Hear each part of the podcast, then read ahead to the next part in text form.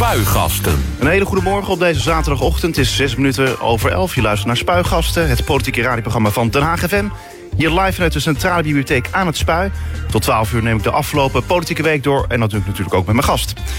Sinds afgelopen zomer werden overal in de stad gesprekken gevoerd... met bewoners, belangenorganisaties, deskundigen en ondernemers... over de mobiliteitstransitie. Want als de stad nu al dicht slipt vanwege het vele verkeer... hoe moet dat straks met nog meer inwoners?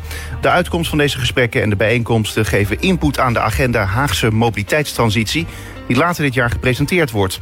Het Mobiliteitsfestival deze week was de afsluiting van de stadsgesprekken. En in Spuigasten schetst D66-wethouder Robert van Asten de opbrengst van alle gesprekken... en de voorkeuren voor de toekomst van mobiliteit per gebied.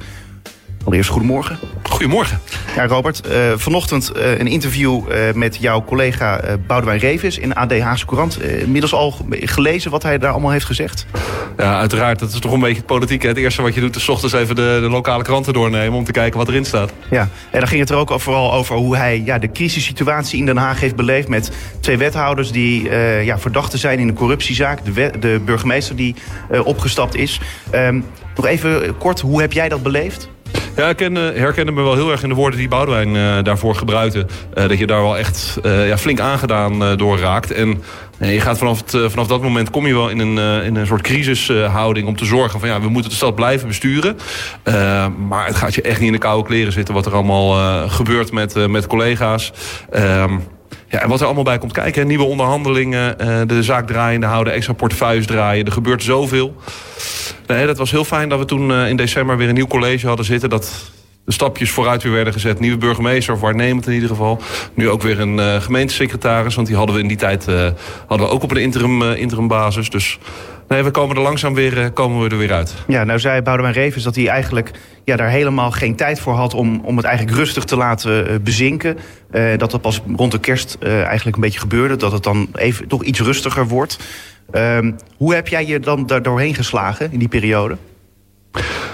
Nou, we zijn uh, met, uh, met de zes wethouders uh, die, die er zaten... zijn wel echt een hecht team toen geworden. je moet elkaar gewoon echt flink helpen... om ja, al die portefeuilles te kunnen doen. Om ervoor te zorgen dat alle beslissingen die genomen moeten worden... ook daadwerkelijk er doorheen komen. Er was ook een goede samenwerking met, met de gemeenteraad. Want die had natuurlijk ook nodig. Want tijdens die onderhandelingen moet je sommige debatten weer uitstellen. Dus ik denk dat, dat in dat opzicht is de Haagse politiek er ook weer een stuk sterker van geworden. maar het was wel echt een heftige tijd. Maar mijn vraag was hoe jij je doorheen hebt, uh, ja, eigenlijk doorheen hebt gekregen? Gewoon hard blijven doorwerken. Gewoon, uh, gewoon die portefeuilles oppakken. Ook, uh, ik kreeg buitenruimte onder andere kreeg ik, uh, kreeg ik erbij. Dat is natuurlijk een, een best intensieve portefeuille. Hè. Alles wat op straat gebeurt valt zo'n beetje in die portefeuille. Als het niet in de mobiliteitsportefeuille valt. Nou, ik heb toevallig die beide. Dus ja, dan, dan heb je een heleboel brieven, telefoontjes van burgers... die gewoon iets melden of een klacht hebben of een suggestie hebben. Um, dus daar moet het hele team ook, ook op meedraaien. ja, en dan is het gewoon blik op oneindig en, en gaan en zorgen dat die stad gewoon goed bestuurd kan worden. Ja, mensen die jou een beetje volgen op sociale media, die zien... jij bent een fietser, je bent een hardloper. Uh, is dat nou, zijn dat momenten juist waarop je het hoofd even leeg kunt maken... of zijn dat juist de momenten waarop je juist aan heel veel dingen gaat denken? Nee, dan is het echt leegmaken. Ja, heerlijk. Stuk, uh, stuk hardlopen door de duinen heen. Dan uh, geniet je weer gewoon eventjes van al het moois om je heen. En dan denk je van, uh, ja, toch jammer dat je dit nog misschien te weinig ziet. Hè? Omdat je natuurlijk toch voor de rest flink opgesloten bent in het stadhuis. Zeker in die crisistijden. Nu het weer wat rustiger is, hè, nu ik mijn eigen portefeuilles weer heb... heb ik weer veel meer tijd om ook gewoon de stad in te gaan. Om eens een keer een wandeling te maken. Gisteren met collega Bruines door de gebieden van de Zeuvensprong en de Weimarstraat gegaan. En daarna gesproken met bewoners en ondernemers daar. Dat miste ik wel in die periode. Want dat hoort toch ook ook echt uh, flink bij het wethoudersvak uh, dat je de stad in gaat. Ja, we gaan het er straks uitgebreid uh, over hebben daarover. maar eerst gaan we even terugblikken. Het politieke weekoverzicht. Maandag 10 februari. De bewoners van Den Haag die moeten zelf hun burgemeester kunnen kiezen. Dat vindt meer democratie. Deze landelijke beweging begint deze week een campagne om de Haagse gemeenteraadsleden te bewerken, zodat die een burgemeestersverkiezing mogelijk gaan maken. Het is heel raar dat je als inwoner niets te zeggen hebt over de meest bekende figuur in de gemeente. Al dus de initiatiefnemers Arjen Nijenboer en Nisco Dubbelboer. Ja, uh, Robert, als D66, ben je natuurlijk voor een gekozen burgemeester, lijkt mij. Absoluut. Ja, dus dit moet jou ook aanspreken. Nou, het, het, idee daarachter, dat, dat spreekt me zeker aan. Uh, alleen dat moet natuurlijk wel uh, gewoon via het parlement geregeld worden. Dat er ook daadwerkelijk een systeem komt waarin een burgemeester, als hij gekozen is, ook echt zelf uh, de touwtjes ook meer in handen heeft. Hè. Dan heb je echt over een ander systeem. En, dus ik weet niet of dat nou zo goed in het huidige systeem past. Ik las er wel een geweldige reactie op van John Bell van het Pericles Instituut. En ik heb John altijd heel hoog gezet als het gaat over de zuiverheid van hoe we met het bestuur omgaan. Die heeft het stuk van de, de beide heren redelijk gefileerd. Daar kon ik me ook wel goed in vinden. Ik denk, in deze huidige situatie ja, zou je het moeten doen binnen de wettelijke kaders. Daar is al een heleboel mogelijk. Uh, maar ik denk dat we het nu gewoon moeten doen uh, met uh, hoe de raadsleden zelf die burgemeesterprocedure ingaan. Maar heb je niet zelf nog een idee van hoe je er wel voor kunt zorgen dat mensen meer betrokken raken bij ja, de benoemingsprocedure van die burgemeester dan? Nou, ik denk dat uh, of je moet het landelijk zo inrichten dat uh, de burgemeester een hele andere taak krijgt. Hè, bijna meer een, uh, nou, ik wil niet zeggen het Amerikaanse systeem, maar wel dat een burgemeester dus meer aan de touwtjes trekt. In België hebben we bijvoorbeeld ook bij de verkiezingen wordt gewoon een bij de gemeenteraadsverkiezingen wordt ook daar vervolgens de burgemeester doorgekozen. Dat is vaak de lijsttrekker van de, van de grootste partij dan. maar die heeft dan wel andere bevoegdheden dan de Nederlandse situatie. Dus je moet een beetje opletten wanneer je overstapt naar een nieuw systeem en of je het dan ook wel goed doet. Want ja, als je alleen zoals in Nederland nu de huidige burgemeesters bevoegdheden zijn... als je daar iemand op kiest, ik denk dat het nog tegenvalt... Uh, wat precies de mogelijkheden zijn van zo iemand... om ze daar dan in, uh, inkleuring aan die rol te geven. Ja, het lastige is ook, juist als je een, een, eigenlijk een burgemeester zelf zal kiezen... als uh, stad, als inwoners, dan krijg je een beetje een soort populariteitswedstrijd. natuurlijk van, ik vind die persoon heel erg leuk, maar ja, waar diegene voor staat... ja, dat maakt niet zo heel veel uit. En nu heb je natuurlijk gewoon, er wordt binnen die nou ja, kaders die er dan zijn, worden er mensen geselecteerd die aan allerlei richtlijnen voldoen. Ja, het is wel allemaal veel veiliger dan als je een gekozen burgemeester hebt, toch? Ja, je zegt het heel terecht. Hè. Iemand wordt dan, uh, dan, dan krijg je een populariteitswedstrijd. Nou ja, dat zijn natuurlijk in principe verkiezingen altijd. Alleen je hebt er een inhoudelijk programma achter. Hè. Je kan stemmen op partij A of B, omdat hij uh, heel veel voor het groen doet... of, of heel veel voor werkgelegenheid, dat, dat als hoofdpunten heeft. Maar met wat voor programma gaat de burgemeester op uh, pad? Hè, verantwoordelijk voor de veiligheid. Ja, die zal niet zeggen van nou ja, ik wil een onsje meer veiligheid dan, dan mijn tegenkandidaat. Je bent gewoon verantwoordelijk samen in de driehoek om hier te zorgen dat iedere Hagenaar veilig blijft. Dus dat is een beetje een apolitiek programma. En dat is misschien maar goed ook. Dus dan kan je er niet op gaan kiezen. Want dan wordt het bijna uh, echt alleen op, op, op, vind ik, een persoon aardig of niet. Ja, ik denk dat we dan ook een beetje het democratisch proces uh, uh, te grabbel gooien. Want het moet tenslotte toch wel echt om inhoud gaan. Ja, het feit dat we het nu hierover hebben... Ehm, ja, het heeft natuurlijk te maken met dat Krikke opgestapt is. Ehm, maar daarvan denk ik dan wel weer ja, hadden we anders ook deze discussie nogmaals hier in Den Haag gevoerd... als ze bij wijze van spreken gewoon weg was gegaan... nadat er ambtsperiode voorbij was gegaan? Nou, dan had je het misschien wat meer in alle rust kunnen, kunnen bekijken. Um, en dan nog steeds is dit een situatie die we echt op landelijk niveau uh, moeten gaan bespreken. Uh, D66 is er altijd voor in om die discussie weer te, te heropenen. Uh, maar ik denk dat we dan eerst wat, wat liefde van de andere partijen moeten krijgen. Want hier is nogal wat gebeurd in het verleden over die gekozen burgemeester. Precies. Dinsdag 11 februari. Niet alleen knalvuurwerk en pijlen moeten worden verboden, maar ook siervuurwerk dat gemakkelijk naar de hulpdiensten kan worden gegooid. Dat vindt de Haagse waarnemend burgemeester Johan Remkes.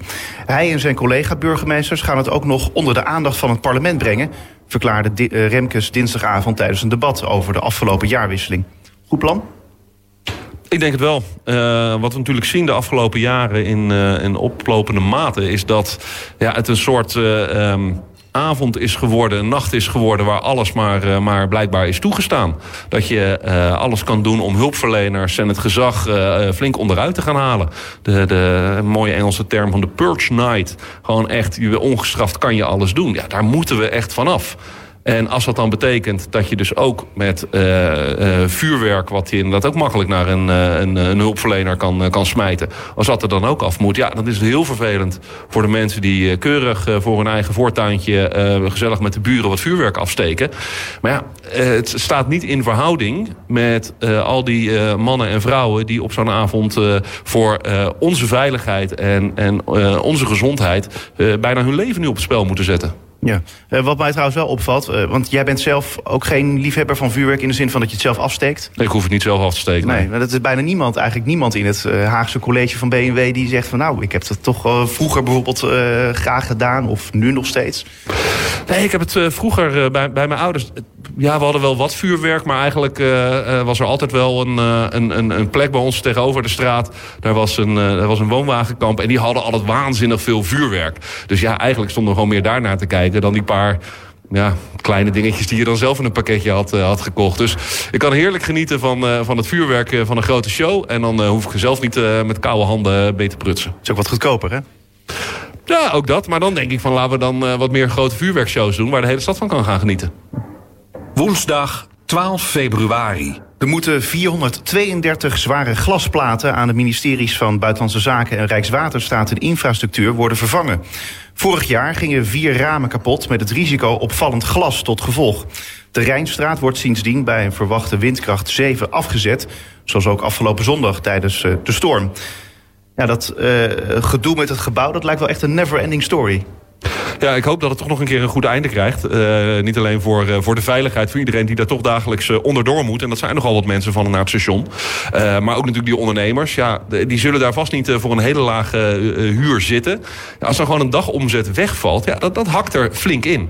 Dus ehm, nee, daar moet zo snel mogelijk een, een oplossing voor komen. En wat zou die oplossing dan zijn? Ja, ik, ik heb niet zo heel veel verstand van het, eh, van het vastzetten van glasplaten. Maar ik hoorde geloof ik eh, laatst dat eh, de glasplaten allemaal vervangen inderdaad moeten worden. nou, dan zou ik bijna zeggen aan de eigenaar van het pand, maak daar maar eens haast mee. Donderdag 13 februari. De advies- en informatiebalie van de dienst Sociale Zaken en Werkgelegenheid in Den Haag... die moet vaker in de avonden open. Nu is die balie alleen in de ochtend en vroege middag bereikbaar... Een avondopenstelling moet mensen helpen die werken, maar toch in armoede leven. De VVD, de Haagse gemeenteraad, doet dit voorstel. Vindt het een goed voorstel? Ik denk dat je altijd, uh, altijd zou moeten kijken van uh, hoe past de gemeentelijke dienstverlening het beste, beste bij de, uh, de noden van, van, de, van de Haagse burger. En als dat betekent dat je de balie ook s'avonds meer moet opengooien dan s ochtends, zou het een goede oplossing kunnen zijn. Je moet natuurlijk wel altijd kijken van wat is de inzet, wat kost het voor diezelfde Haagse burger om die balies open te houden. Ehm, ik denk dat collega Van Alphen gaat, er, gaat hier naar kijken. En ik denk dat, dat er tot best een mooie oplossing komen. Ja, ik kan me trouwens nog herinneren dat, uh, het is nog niet zo heel lang geleden... in 2012 was D60 die voorstelde om de gemeentebalies... Uh, toen nog raadslid Rachid Gernabi... Uh, ook in het weekend open te stellen.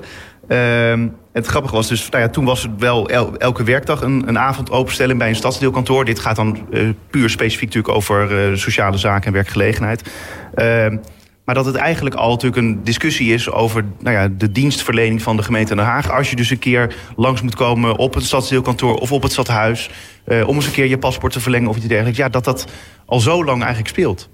Ja, ik denk dat je hier een, uh, uh, de strijd hebt tussen eigenlijk het laag houden van, uh, van lasten voor de burger. Hè, weinig gemeentelijke belastingen. Nou, schuld van de VVD. Tegen de, tegen, de, tegen de service die je biedt als gemeente. Ik ben echt van de school van, volgens mij hebben we hier in Den Haag... geven wij echt een, een prachtig totaalproduct. De straten zijn, liggen er fantastisch bij. Zijn, zijn over het algemeen goed schoon, worden snel schoongehouden. We leveren echt een prachtige dienst. Maar als je ziet dat de gemeentelijke lasten... ja, die zijn zo'n beetje de laagste van Nederland. Ook daar is wat voor te zeggen. Um, maar op het moment dat je dan een extra service wil... van een openstelling in de avonden of in de weekenden... Ja, dan zal dat geld gaan kosten. Nou ja, als de Hagenaar bereid is om daarvoor te betalen... dan uh, lijkt me dat een uh, uitstekende oplossing. Zit ik nou tegenover Boudewijn Revens of tegenover Roos van Asten? Nou ja, zo zie je maar hoe goed we samenwerken in het, uh, in het, uh, in het college. Uh, maar ik ben er niet zo bang voor om, om te kijken van wat kan je met de gemeentelijke lasten doen. Je moet alleen altijd heel scherp kijken welk, welke dienst lever je. En als we meer diensten willen leveren, prima, maar dan heeft dat ook een prijs. Vrijdag 14 februari. Het bestuur van het varend Corso Westland is zwaar teleurgesteld over de opstelling van de gemeente Den Haag. Donderdag liet Den Haag weten dat het nog onzeker is of de gemeente subsidie geeft voor het Corso. Als het Corso Haags geld krijgt, dan is het niet meer dan 25.000 euro. Maar dat is veel minder dan het Corso heeft aangevraagd, zegt voorzitter Rob Baan. Misschien is dit jaar ons laatste Corso, al dus de voorzitter. Is toch geen goed nabuurschap?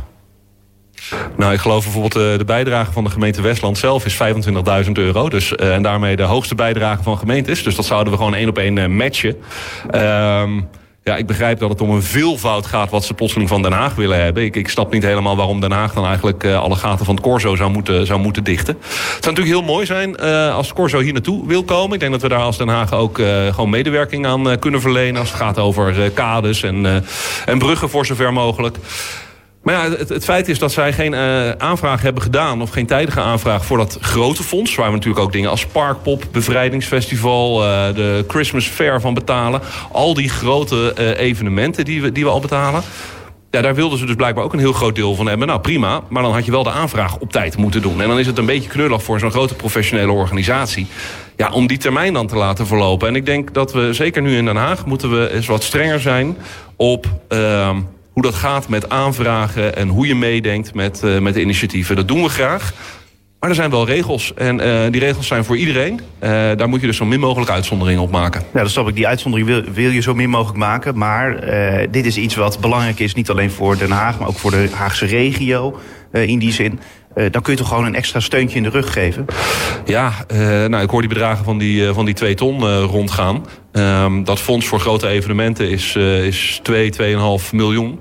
daar betalen we al onze evenementen die ons zeer dierbaar zijn, betalen we daar ook al uit. ja, dan hoor ik ook graag van, van politieke partijen die misschien nu moord en brand spreken. Wat zouden we dan niet meer moeten doen? Ja, dat is een goede vraag. Wat dan? willen, we, willen Parkpop uh, verminderen? Lijkt me ook niet. Dat is echt een Haagse icoon. En als je het hebt over iets wat belangrijk is voor deze regio... het grootste, grootste gratis openluchtfestival van, van Europa. Daar zijn we toch hartstikke trots op. Als je ziet hoeveel mensen hier bij zo'n Royal Christmas Fair... Over de Voorhout en de Vijverberg lopen... dat trekt ook echt mensen uit meer dan de hele regio. Dus dat zijn allemaal evenementen die ons, die ons dierbaar zijn. Waarvoor we dat geld hebben uitgegeven. Ja, en als dan, dan iemand na de sluitingstermijn ook nog binnenkomt... Ja, dan is daar dus geen geld voor. Ja. En dan is ook nog eens de vraag van ja, zou je dat bedrag van die, nou ja, als dat dan om twee ton gaat, eh, hoe zie je dat dan in verhouding? Als een gemeente Westland 25.000 euro bijdraagt en de gemeente Den Haag 2 ton, hoezo krijgen wij iets anders? Varen er meer boten mee? Uh, hoe zit dat? Ja, goede vraag. Nou, gaan we uitzoeken dat, denk ik. Zaterdag 15 februari. Er komt mogelijk snel een einde aan de gevaarlijke verkeerssituatie in de Haagse binnenstad, waar fietsers met een rotgang door het winkelcentrum rijden, schrijft AD Haagse Courant. Bezoekers te voet lopen dagelijks het risico te worden aangereden. Wethouder Robert van Asten die wil de fiets daarom tijdens openingstijden uit het winkelgebied weren. Leg uit, waarom? Ja, nou, we kijken er eh, vanuit eh, deze studio in de Haagse Bibliotheek natuurlijk vol op dat kruispunt waar de Grote Marktstraat eh, begint en ook de gedempte gracht ligt. Dus we zitten hier precies op de hotspot. Um, ja, er is al een lang gekoesterde wens in de Haagse politiek. Uh, hoe krijgen we nou uh, van de Grote Marktstraat, hoe maken we daar een mooie wandelboulevard van... waar de fietser niet meer denkt van, nou, ik heb hier alle recht om te zijn... en ik scheur er doorheen, waardoor er heel veel bijna ongelukken gebeuren. Dat is natuurlijk niet gasvrij. Daarom hebben we opgenomen en ook uh, 10 miljoen uitgetrokken... om het alternatief van de gedempte gracht te gaan onderzoeken. Om daar dan een aparte fietsstraat van te maken. Nou, dat heeft nogal wat uitdagingen. Je kan je voorstellen met de parkeergarages die er zijn... met de auto's die er rijden. dat is niet veilig voor uh, uh, grootscheepsgebruik uh, door de fiets ook. Dus dat moet je veranderen. Nou, dat, dat hebben we opgenomen. Daar zijn we nu druk aan het onderzoeken. Daar komen we dan later het jaar komen we ermee naar buiten... van wat dan de oplossing is. En dat zal flink wat keuzes met zich meebrengen. Want dan zullen de geparkeerde auto's zullen daar gewoon uit moeten. Het aantal auto's dat er doorheen gaat... Uh, zal ook flink moeten afnemen. Alleen dan krijgen we het veilig voor de fiets. Ja. Maar ja, dat is wel uh, waarvoor we het doen. We doen het voor die wandelaar op de Grote Marktstraat. We doen het voor de fiets op de gedempte gracht. Dan gaan we kijken waar het openbaar vervoer doorheen moet. En dan de auto. Ja, nou goed, eh, scheelt het dat het openbaar vervoer niet hier doorheen komt, toch? Door de grote dat, marktstraat? Dat, dat, dat scheelt er wel. Dus weer, de puzzel is al lastig zat. maar goed, qua auto's moeten er inderdaad ja, moeten er, uh, forse ingrepen worden gedaan. Uh, ik vraag me wel een beetje af, dit was toch allemaal te voorkomen geweest... als je gewoon die grote marktstraat in één keer goed had ingericht? Nou ja, Niet zozeer jij hoor, maar Nee, nee dat gebeurde inderdaad al jaren en jaren geleden. Het is, het is volgens mij sinds de doorbraak in, uh, in de jaren twintig... Uh, is het al een, uh, een, een compromisstraat geweest. daar gingen de trams, de bussen, de auto's, de fietsers en de wandelaars gingen daar doorheen. Daar stonden op een gegeven moment ook de borden... hoeveel dodelijke slachtoffers er vielen van een actiegroep. Nou, dat was natuurlijk ook te erg. Nou, ontzettend blij met de tramtunnel. Uh, dat, ik denk dat iedereen die er toen nog misschien kritiek op had... dat het allemaal meer kostte en niet allemaal lekker liep... op zich de kritiek is terecht... maar ik denk dat ook die kritiekasters nu heel blij zijn... met wat het heeft opgeleverd. Alleen vervolgens is de stad nog verder gaan groeien. Is het succes van een gezellig dagje winkelen is heel groot geworden. Dus hier lopen echt uh, dagelijks duizenden en duizenden mensen. Uh, we hebben de fiets, hebben we, de geparkeerde fiets hebben we er eigenlijk al uitgehaald. Um, en wat hou je dan nu over? Ja, nog steeds een, een vrij onduidelijke situatie. Ja voor deze nieuwe, nou die is inmiddels ook al wat ouder... maar voor deze inrichting uh, had je daar al een fietspad liggen... in een klein beetje een ander kleurtje en aangegeven. Nou, men vond dat absoluut niet werken... want ja, dan dachten de fietsers echt, we, we racen daar doorheen. Gevaarlijk voor de niet echt oplettende uh, wandelaar. Toen hebben we er dit van gemaakt. Dat is dan officieel een shared space. Uh, heel veel mensen denken nog steeds dat er een fietspad ligt. Maar dat is dus niet zo. Het is de fietser, is de gast. Maar ja, leg het uh, maar uit als iemand zo keihard doorheen fietst. Ja, dat, dat, je ziet soms, sommige fietsers zie je ook zeer geïrriteerd naar de, naar de voetgangers kijken. En terwijl je dan eigenlijk wil zeggen... ja, maar meneer, die voetganger heeft wel gelijk. Nou, die situatie is dus gewoon onduidelijk. Als de gebruiker het niet snapt, is het niet goed ingericht. Daar moet je wat aan doen.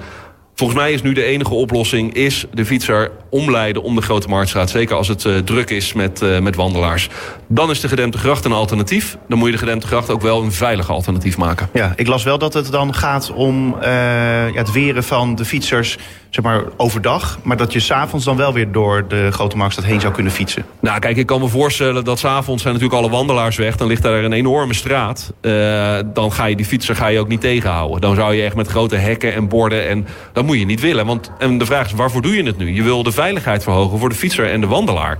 Ja, als er s'avonds geen enkele kans is op een, uh, uh, op een botsing... Ja, dan, dan hè, ga er lekker doorheen als je, als je dat wil. Ja, ik heb nog zitten denken, je hebt een paar van die plantenbakken daar staan. Als je nou gewoon een soort ja, slalomachtige uh, nou ja, straat van maakt... dan kunnen die fietsers niet, niet zo keihard er doorheen fietsen. Dat is waar, maar we hebben het nog niet over een ander uh, groot probleem uh, gehad... in die Grote Marktstraat. Ik fiets natuurlijk elke dag hier naartoe naar het stadhuis in de spits.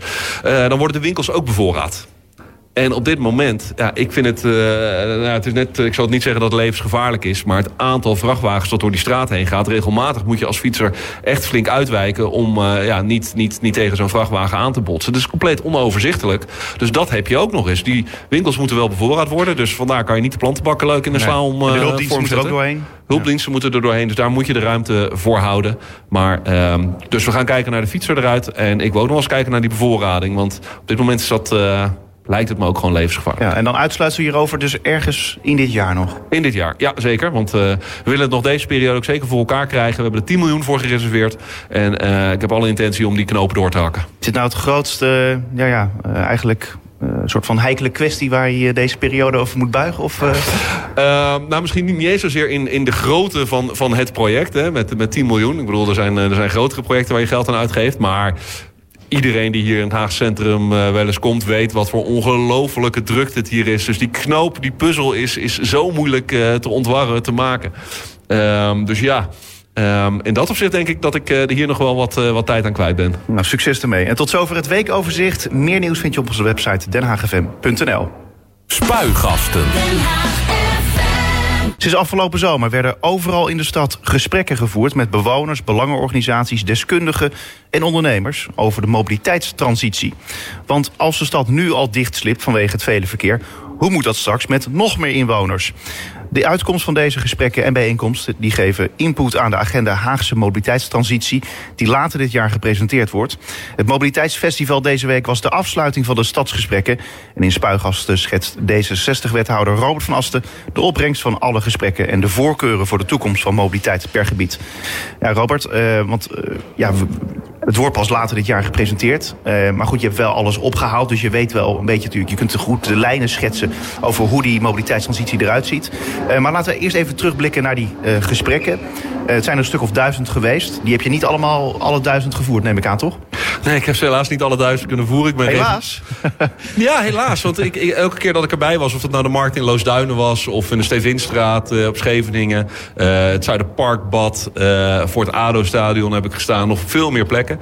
Uh, op een gegeven moment moesten we gaan onderhandelen voor het nieuwe college. En die gesprekken zijn natuurlijk gewoon doorgegaan met, uh, met de clubs die we daarvoor hadden, hadden geregeld. Alleen ja, ik kon daar zelf niet meer altijd bij zijn. Dus dat vond ik, vond ik wel echt jammer. Want elke keer als je dan dat gesprek aangaat met mensen, dan hoor je echt wat de behoeftes zijn om uh, dagelijks van A naar B te gaan. Dus je hoort uh, ik heb in de Stevinstraat uh, met een, met een jonge moeder een gesprek gehad. Die kwam keurig op de fiets met kinderzitje voorop.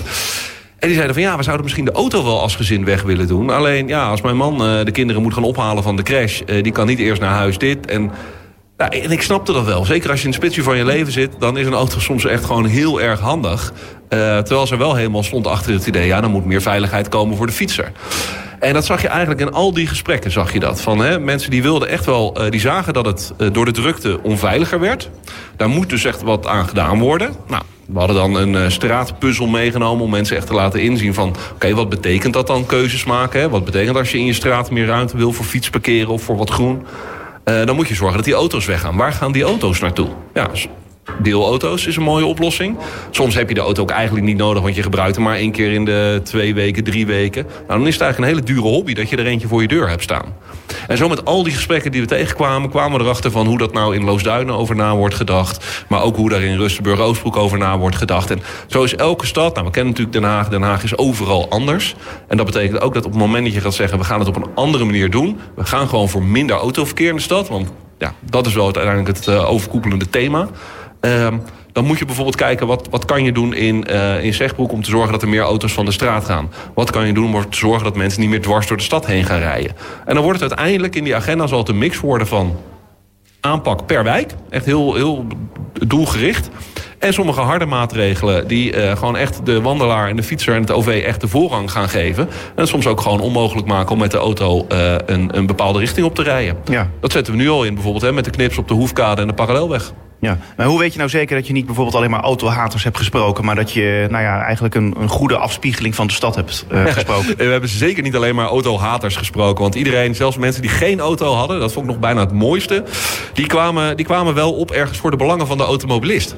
En... Uh, ik, ik ben daar ook wel van overtuigd. Kijk, wij hebben thuis hebben wij, uh, heeft mijn man uh, heeft, een, heeft een auto. Die gebruikt hij vaak om uh, overal naar, in het land naar zijn werk te moeten gaan. En die gebruiken we dus ook vaak in de vakantie. Die blijft wel vaak het hele weekend gewoon stilstaan. Want dan gaan we gewoon op de fiets naar waar we moeten zijn. Dus ik snap dat die auto gewoon een, een, een plek heeft in Den Haag. Dat die nodig is, omdat het openbaar vervoer niet overal kan. Maar ja, de Hagenaar pakt wel voor hele korte ritjes vaak de auto... Hè, naar het einde van de straat voor het winkelcentrum. Dat je denkt, ja, dat kan ook echt op een andere manier. Zelfs al ga je voor de hele week boodschappen halen. Ja, maar dat is het toch vooral omdat mensen zeggen van... nou ja, bijvoorbeeld voor boodschappen of voor nou ja, eh, zware spullen die ze moeten hebben... dan is het handig om een auto te hebben om van A naar B te komen. Ja, uh, maar als, als je die zware spullen, die heb je niet altijd nodig. Uh, sterker nog, die heb je eigenlijk verrassend weinig nodig. De meeste autoritten die gemaakt worden, zijn ook eigenlijk te plannen. Je weet dat je over drie weken naar de verjaardag van Tante Rita in Tiel moet. He, dan weet je dus, dat kan je plannen. Dan kan je gaan kijken, wat heb ik dan nodig? Um, en dan komt die deelauto eigenlijk wel weer uh, goed uh, naar voren. We kwamen er ook achter dat mensen eigenlijk niet snapten... wat nou eigenlijk een deelauto is, of wat dat concept is. Ja, mensen kennen misschien dat Green Wheels wel... maar dat ja, niet helemaal hoe het nou werkte. Of ze dachten van, ja, maar ik ga de auto niet met de buurman delen... want uh, die maakt altijd een puin op van zijn auto. Dan heb ik geen zin om daarin te zitten... en hij komt zeker niet in die van mij. Snap ik allemaal, alleen... Er zijn hele nieuwe manieren van autodelen. En dat groeit als een, als een, als een idioot. We hebben, als Den Haag hebben ook de Autodeel Award van het ministerie ook, uh, gewonnen. Uh, omdat het in Den Haag zo flink aan het groeien is. Dat gaat de komende jaren ook nog een uh, verdere vlucht krijgen. je ziet dat bewoners dat samen doen met een groepje, als coöperatie. Je ziet dat grote bedrijven hier auto's neerzetten. Dus die mogelijkheden worden veel groter. En dat is dus beter voor je portemonnee. En we krijgen er ontzettend veel ruimte mee op straat. Ja, uh, nou, nou, voer je dan al die uh, gesprekken met al die verschillende mensen. Uh, ja, is er dan nog verschil tussen bijvoorbeeld jong en oud? Merk je juist dat jongeren ehm, misschien juist meer afstand van die auto willen doen dan bijvoorbeeld ouderen, om iets te noemen? Nou, ik, ik, er zijn, twee voorbeelden. Ik heb uh, in Zwembad Zuiderpark hebben we gestaan om te kijken hè, wie, wie komt daar en hoe komen ze daar. Heb ik uh, best lang staan praten met uh, vier dames op, op respectabele leeftijd. met het badpak aan en de handdoek over de schouder en de badmuts, badmuts nog op. Zonder een kopje koffie drinken daarover te praten. En het leuk was, die dames die kwamen uit het centrum. Waren ze ooit verhuisd naar de nieuwbouwwijken, de luxe van, van, van de flats in Moerwijk. Mooie, ruime, groene omgeving van alle gemakken voorzien. En die hebben daar eigenlijk een beetje ook tegelijkertijd de eerste auto's in de straat zien komen. Dus die hebben die hele trans, transitie al een keer meegemaakt van het vervoer. En die hadden nu zoiets van, ja, ja, mijn man die wil die auto nog wel, maar ik hoef dat niet. Ik stap hier gewoon lekker de tram in. En ik heb, eh, de een had nog wel een elektrische fiets, en de ander fietste dan weliswaar niet meer. Maar die zorgde altijd dat ze met iemand dan kon meerijden. Dus van, ja, we hoeven die eigen auto niet meer. Het kost alleen een hoop geld. En waar, krijg waar kan je hem hier nog kwijt? Tegelijkertijd hebben we in, uh, bij de Haagse Hogeschool hebben we met uh, de studenten daar gesproken. Van, hebben ze al een auto? Uh, gebruiken ze die? Hoe komen ze van A naar B? Nou, daar was dan weer heel verschil van. Inderdaad, jongeren die, die voor elk wisselwasje de auto het liefste in wilden springen. Tot mensen die zeiden van, ja, ik heb geen rijbewijs en die hoef ik ook echt niet te halen ook. Want ik kan met, met, met de fiets, de scooter of, of het openbaar vervoer kom ik overal. Waarom zou ik ja, die kosten op me nemen? Ja, is er misschien eigenlijk wel een soort van self-fulfilling prophecy in de zin van, ja wie, wie gaat er nu nog een auto kopen en door de stad heen rijden? Want als je dat nu in Den Haag doet, dan kom je al niet zo heel erg ver. Of in elk geval, je komt dan misschien wel uiteindelijk wel ver, maar het duurt enorm lang.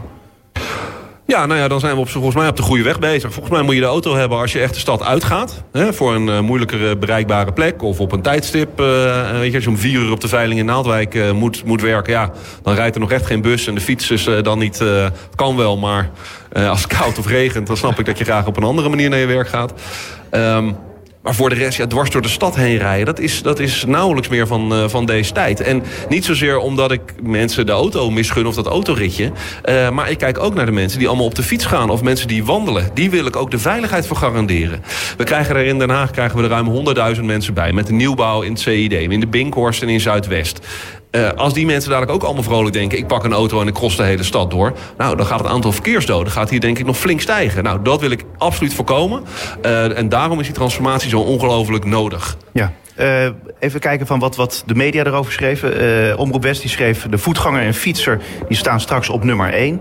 Uh, het AD kopte, uh, auto blijft welkom, maar moet vaker omrijden.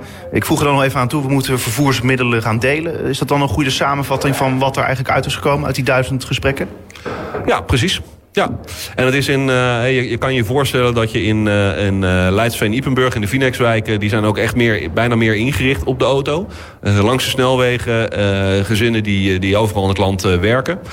Um, toch willen we ook dat daar meer fietsbewegingen gaan plaatsvinden. Nou ja, we, gaan, we leggen grote routes aan vanaf, uh, vanaf die wijken naar het centrum... en ook eigenlijk uh, verder de provincie in. Om het maar het alternatief zo goed mogelijk, goed mogelijk te maken. En tegelijkertijd hebben we een hele grote opgave... om in onze stad van een gemiddelde straat meer te maken dan één grote parkeerplek. Want we willen toch ook dat gezinnen in de stad blijven wonen? Dan moet je zorgen dat de straten waar de kinderen op spelen... dat die ook veilig zijn. Dat er ook wat te spelen is, dat er wat ruimte is. We willen de, straat, de, de, de stad willen we klimaatadaptief maken. Met andere woorden, op het moment dat de zon schijnt... willen we niet dat het gillend heet is. Of dat het regent, dat uh, de putten het niet meer aankunnen. Dan heb je groen nodig. Waar ga je dat groen leggen? Ja. Nu is er nauwelijks plek. Dat moet je dus ook op een parkeerplaats kunnen doen. En in hoeverre komt er nou meer ruimte voor de voetgangers? Want uh, we hebben overal al stoepen, we hebben al uh, gebieden waar de voetgangers de baas zijn. Zoals bijvoorbeeld hier de Grote Marktstraat. Dus wat gaat er nou veranderen voor voetgangers? Nou, er kan nog, er kan nog echt nog heel wat uh, verbeteren als je nadenkt over hoe, hoe leg je die voetgangersroutes nou aan. Is dat allemaal logisch? En je kan ook zeggen, van op dit moment wordt er nog vaak gedacht... oké, okay, we hebben de auto, die moet goed kunnen doorstromen. Oké, okay, dan is het niet handig dat we hier de voetgangersoversteekplaats maken... die moeten maar 100 meter verder. Ja, op het ja. moment dat je het juist gaat inrichten voor de, voor de wandelaar... dan ga je denken, nee, die wandelaars gaan hier oversteken. Uh, dat doen ze vaak toch al, ook al, ook al staat daar niet het verkeerslicht. Uh, maar je wil niet dat ze gaan omlopen. Dus je wil meer dat gaan stimuleren. En dat betekent dus dat je echt gaat kijken... oké, als je dat, daar een winkelcentrum hebt... wat zijn de looproutes van mensen die daar naartoe gaan? Is dat, uh, dan ga je in, en maak je bijna een ervaringswandeling... om te kijken, wat kom je tegen? Wat heb je nodig? Hoe, hoe veilig is het om ook over een straat te lopen? Een hele leuke kaas in, in Rotterdam-Noord, is me verteld. Had je gewoon echt een jaren 20 wijk met, met van die huizenrijen die tot aan de stoep stonden. Uh, helemaal vlak, dus dat was gewoon eigenlijk één muur. Aan de andere kant uh, alleen maar geparkeerde auto's. En uh, kinderen vonden dat een hele nare straat. Terwijl je als volwassene heb je daar eigenlijk nergens last van. Want je kijkt over de auto's heen. Je ziet de ruimte. Alleen voor die kinderen was het zo. Ze hebben gewoon een muur aan auto's. Want ze kwamen daar niet overheen links. En een muur rechts. En eigenlijk is dat dan toch een beetje in ons brein... dat we graag nog ergens willen dan wel uitzicht hebben op iets... of een beetje dat de straat wordt gebroken door wat planten... door het en zo moet je dus denken als je een stad gaat inrichten, ook voor de voetganger. Maar is er dan al een plek in uh, de stad waarvan jij zegt van nou daar, daar zouden we al meer kunnen kijken naar de voetganger dan dat we nu deden? Is er, heb je daar een voorbeeld van? Want je noemt nu een voorbeeld uit Rotterdam. Ik denk vaak in, uh, in de, in de uh, zakendistricten, hè, de, waar, waar bedrijven zitten, daar is vaak de voetganger het ondergeschikte kindje. je hebt een parkeergarage daaronder en, en de werknemers die gaan vanaf het parkeergarage omhoog en alles wat daartussen gebeurt. Dat is een beetje loze openbare ruimte. Dus daar zou je goed naar moeten kunnen kijken. Maar ook uh, het gebruik van stoepen in de oude wijken. Die staat nu vol met fietsen. Uh, vaak liggen de tegels een beetje uh, wiebelig van de, van de boom, de, wortelopdruk. Nou, als je zegt, ik zet die voetganger op één... dan moet je dus zorgen dat die stoep ook vrij te gebruiken is. En dan moeten die fietsers daarvan af. Maar waar blijven die fietsen? Dat betekent dat die fietsen een plek moeten krijgen op straat. Nou, we zijn druk bezig met dat fietsvlonder-project. Uh, om te kijken van hè, één auto, parkeerplek eruit. We leggen daar een fietsvlonder neer. Daar kunnen dan twaalf fietsen staan. Werkt dat nou goed om die straten wat, uh, om de stoepen wat uh, leger te krijgen? Ja. En uh, als we dan kijken naar uh, de fietsers. Want we hebben nu we hebben het vooral over de voetgangers. En je noemt dat de fietsvlonders. Nou, dat zijn de fietsers. in hoeverre komt er dan meer ruimte voor die fietsers? Want ik denk van ja, al die fietspaden die zijn al aangelegd. ja, die, die kunnen misschien op hier en daar nog wel wat breder. Als ik kijk naar bijvoorbeeld de Prinsengracht. waar het vrij smal is als je daar elkaar wilt inhalen. wat, wat kun je dan ja, die fietser gaan bieden? Um, nou, op wegen waar je niet direct een fietspad hebt, vaak op 30 kilometer wegen, die we natuurlijk ook willen hebben, uh, kan je kijken, kan je meer fietsstraten maken. De, de Constant Rebekstraat uh, zijn we nu op dit moment al aan het aanleggen, echt voor de fietser in te richten. maar je kan natuurlijk ook kijken, wie maken er gebruik van het fietspad? We hebben meer en meer scooters, de, de, de blauwe plaatjes achter op zo'n ding, snorfietsen. Uh, die er overheen gaan. Uh, de, de, ik geloof dat we al meer dan 30.000 tot 40.000 snorfietsen hebben. Ja, die gaan er vaak met een ongelofelijke uh, vaart uh, langs fietsers. Uh, dus ook langs senioren die misschien wat langzamer fietsen... en die daar nog van kunnen schrikken. Je ziet dat het niet meer zo'n tomosje is die uh, vrij smal is... maar tegenwoordig zijn het gewoon echt enorme bakbeesten die, uh, die snorfietsen. Dus ze nemen dan ook een heleboel ruimte in. Vaak dan nog met zijspiegels eraan. Nou ja, dat raakt ook nog wel eens links en rechts. Dan wel een lantaarnpaal en dan ligt ze zelf op de snuffert. Of een fietser tikken ze daarmee aan. Is gewoon gevaarlijk. Dus ik ben er een groot voorstander van... dat de minister nu met het, met het wetsvoorstel is gekomen... dat er een helmplicht moet komen voor die snorders. We zien dan dat er een heleboel zien we namelijk in Amsterdam... dat er een heleboel mensen niet meer op de snorfiets gaan... maar hun uh, uh, snorfiets ombouwen tot, het, uh, tot gewoon een scooter en een 45 kilometer wagen. Dan moeten ze sowieso op de weg en moeten ze de helm dragen. Nou, ja. Dat zorgt er dus voor dat er veel minder van die snorfietsers zijn. Dat de straten daarmee dus, of de fietspaden daarmee veiliger zijn. En uh, als de minister daar niet mee doorzet... dan zullen we zeker in Den Haag gaan kijken... Uh, waar gaan we zelf Amsterdam achterna... en verbieden we de snorfietsen op de fietspaden. Ja, maar goed, die helmplicht die komt eraan... heeft de minister deze week nog gezegd. Ja, het wetsvoorstel is in de, is in de consultatieronde gegaan... zoals dat zo mooi heet. Iedereen mag daar de mening over geven. ik zag de eigen VVD in de Tweede Kamer... al vol ageren tegen het voorstel van hun eigen minister. Dus ik moet dat nog wel eens even zien... dat dat ook allemaal gaat landen. Uh, ik heb uh, toen het voortouw genomen uh, om met twintig gemeentes ook een lobbybrief te schrijven naar de minister. Waarin wij dat allemaal graag willen. Dat was in navolging tot al die artsen en chirurgen die vaak mensen met hersenletsel op de operatietafel krijgen. Ook die hadden er al voor gepleit. Nou, de gemeentes willen het graag, eh, de artsen willen het graag. Dus ik zou zeggen, zo snel mogelijk doorpakken. En als dat niet het geval is, dan gaan we Amsterdam uh, zeker achterna. En gaan we zelf die helmplicht invoeren. Ja, maar hoor ik je nou dus dan toch wel zorgen maken erover... of het nou wel of niet gaat lukken? Nou, als ik dan de opstelling van de VVD in de Tweede Kamer zie... waarin zij het absoluut niet willen... Um, dan maak ik me wel een beetje zorgen natuurlijk. Ik denk dat er een Kamermeerderheid is. Uh, mijn partij is daar in de Tweede Kamer uh, zeker voor. Um, dus ik hoop dat we over zeven maanden is de consultatieronde afgerond. Dat we dan zo snel mogelijk die helmplicht ook echt kunnen gaan invoeren. maar ik zal, het, eh, ik zal erop eh, blijven letten. En samen met de twintig andere gemeentes uh, zullen wij wellicht uh, nog eens even een brief ter aanmoediging sturen. Ja, en als de minister nou luistert, nou weet ik dat niet. Maar wat zou je dan tegen haar willen zeggen? Nou, dan zeg ik dat, uh, dat ze goed bezig is met het wetsvoorstel. Dus een goed wetsvoorstel. Uh, en ik hoop dat ze dat...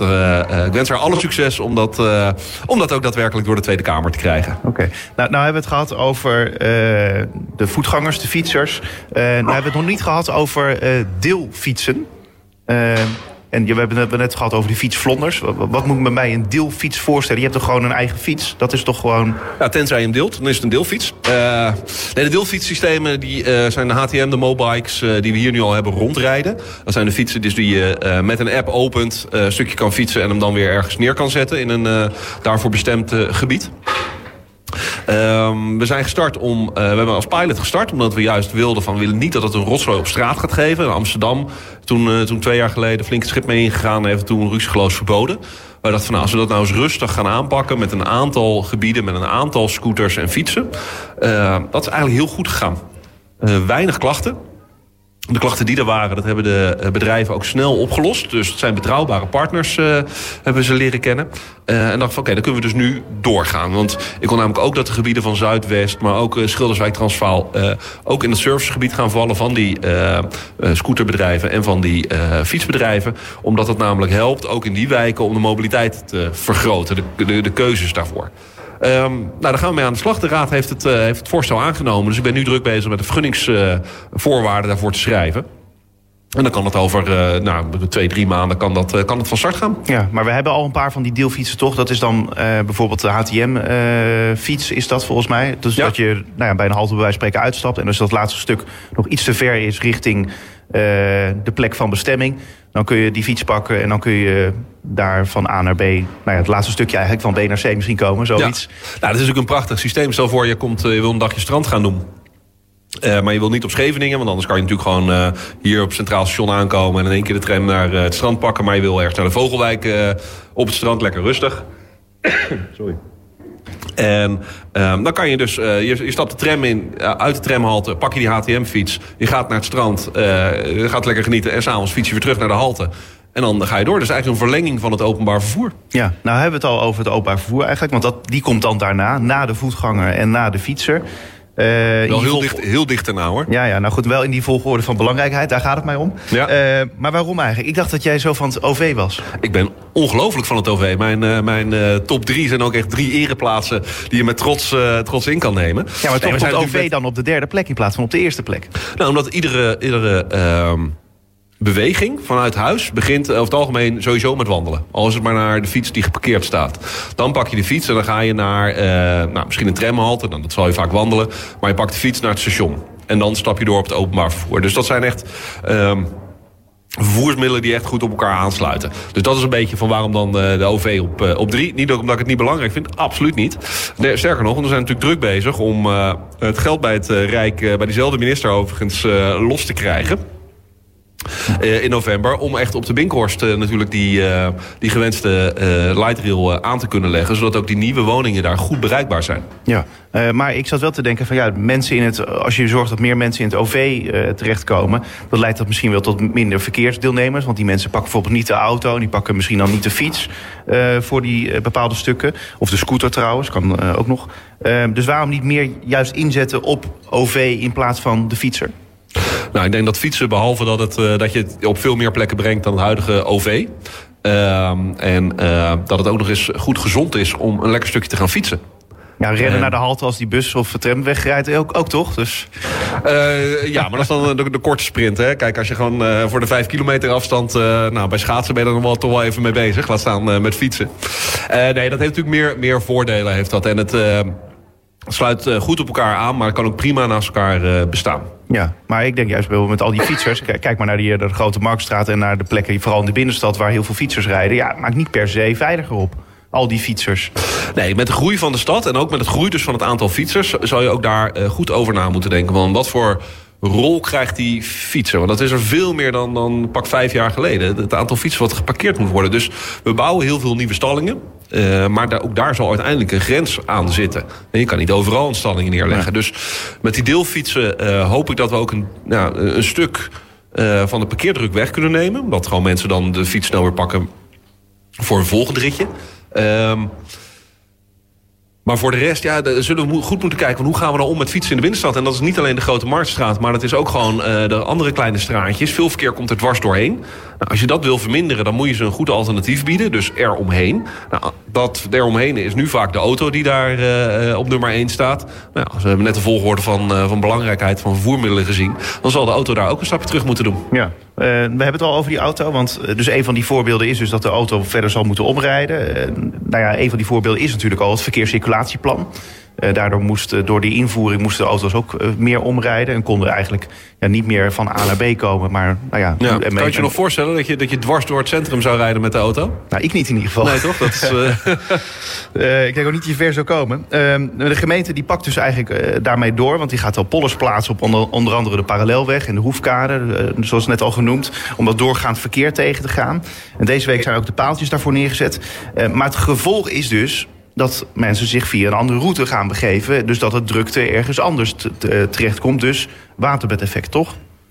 Uh, ja, deels, maar wel dan op de wegen die er veel meer geschikt voor zijn. Uh, de Neerkade is natuurlijk veel geschikter om te rijden dan de parallelweg of de Hoefkade. Dat gaat dwars door woonwijken heen, waar ook nog eens mensen moeten wandelen en moeten fietsen. Ja, de, de hoefkade is, is, is gewoon bizar druk. En op een gegeven moment verdwijnt dan ook een soort stukje wat je nog hebt om te fietsen. Vlak voordat je de, de Viantlaan opgaat. Nou, dat is een heel gevaarlijk stuk. Dat kan zo niet langer. Nee. En er gingen 7000 uh, 7000 voertuigen, die, die gingen dwars door die parallelweg. Voor het station wat we net hebben opgeknapt, uh, dat hele plein... waar mensen uh, uh, ook allemaal wandelen van en naar de stad. 7000 voertuigen die niet eens in die wijk hoefden te zijn. Ja, die wil je dan toch niet door een woonwijk leiden? Maar goed, die auto's die vervolgens over het Neerkade rijden... waar ook mensen wonen en waar de komende jaren nog steeds meer mensen gaan wonen... ja, die krijgen dan straks al die uitlaatgassen juist bij hun voor de deur. Ja, het liefst heb ik natuurlijk ook dat er veel meer, minder auto's in Den Haag komen. Ja. Nou, door het feit dat je minder makkelijk door de stad heen kan rijden... denk dat echt wel een aantal mensen zullen zeggen van... nou ja, dan heb ik die auto misschien ook een stuk minder nodig. Of dan rij ik, rij ik er niet meer mee. Uh, ja, die Neerkade is uh, natuurlijk al, al druk. En een, een grote flat uh, die daarnaast staat. Dus die mensen hebben het wel voor hun kiezen. Gelukkig blijft het nou, wel binnen de, de grenswaarden die, die daarvoor gesteld zijn. Maar de weg aan zich is natuurlijk veel geschikter om verkeer overheen te leiden... dan van die smalle straatjes door het centrum. Ja, tot slot, ja, 2020 zitten we in. wordt dit een belangrijk jaar in die zin voor de mobiliteitstransitie? Ja, nou, we, dit jaar komt dus die agenda naar buiten. Nou, dan zou je zeggen, dat is weer een uh, mooi stuk papier. Maar daar moet dus ook gelijk een actieplan op komen. En daar volgen vervolgens uh, van waar ga je nou... Hoe ga je straten anders inrichten? kan je, kom je met een, met, nog met een afsluiting? Hoe gaat deelverkeer, hoe ga je daarmee om? We komen met nieuw parkeerbeleid dat hier ook op is, op is gebaseerd. Dan gaat het over van uh, hoeveel plekken uh, geef je eigenlijk uit aan vergunningen. Nu, nu kan je oneindig vergunningen blijven uitgeven in een wijk.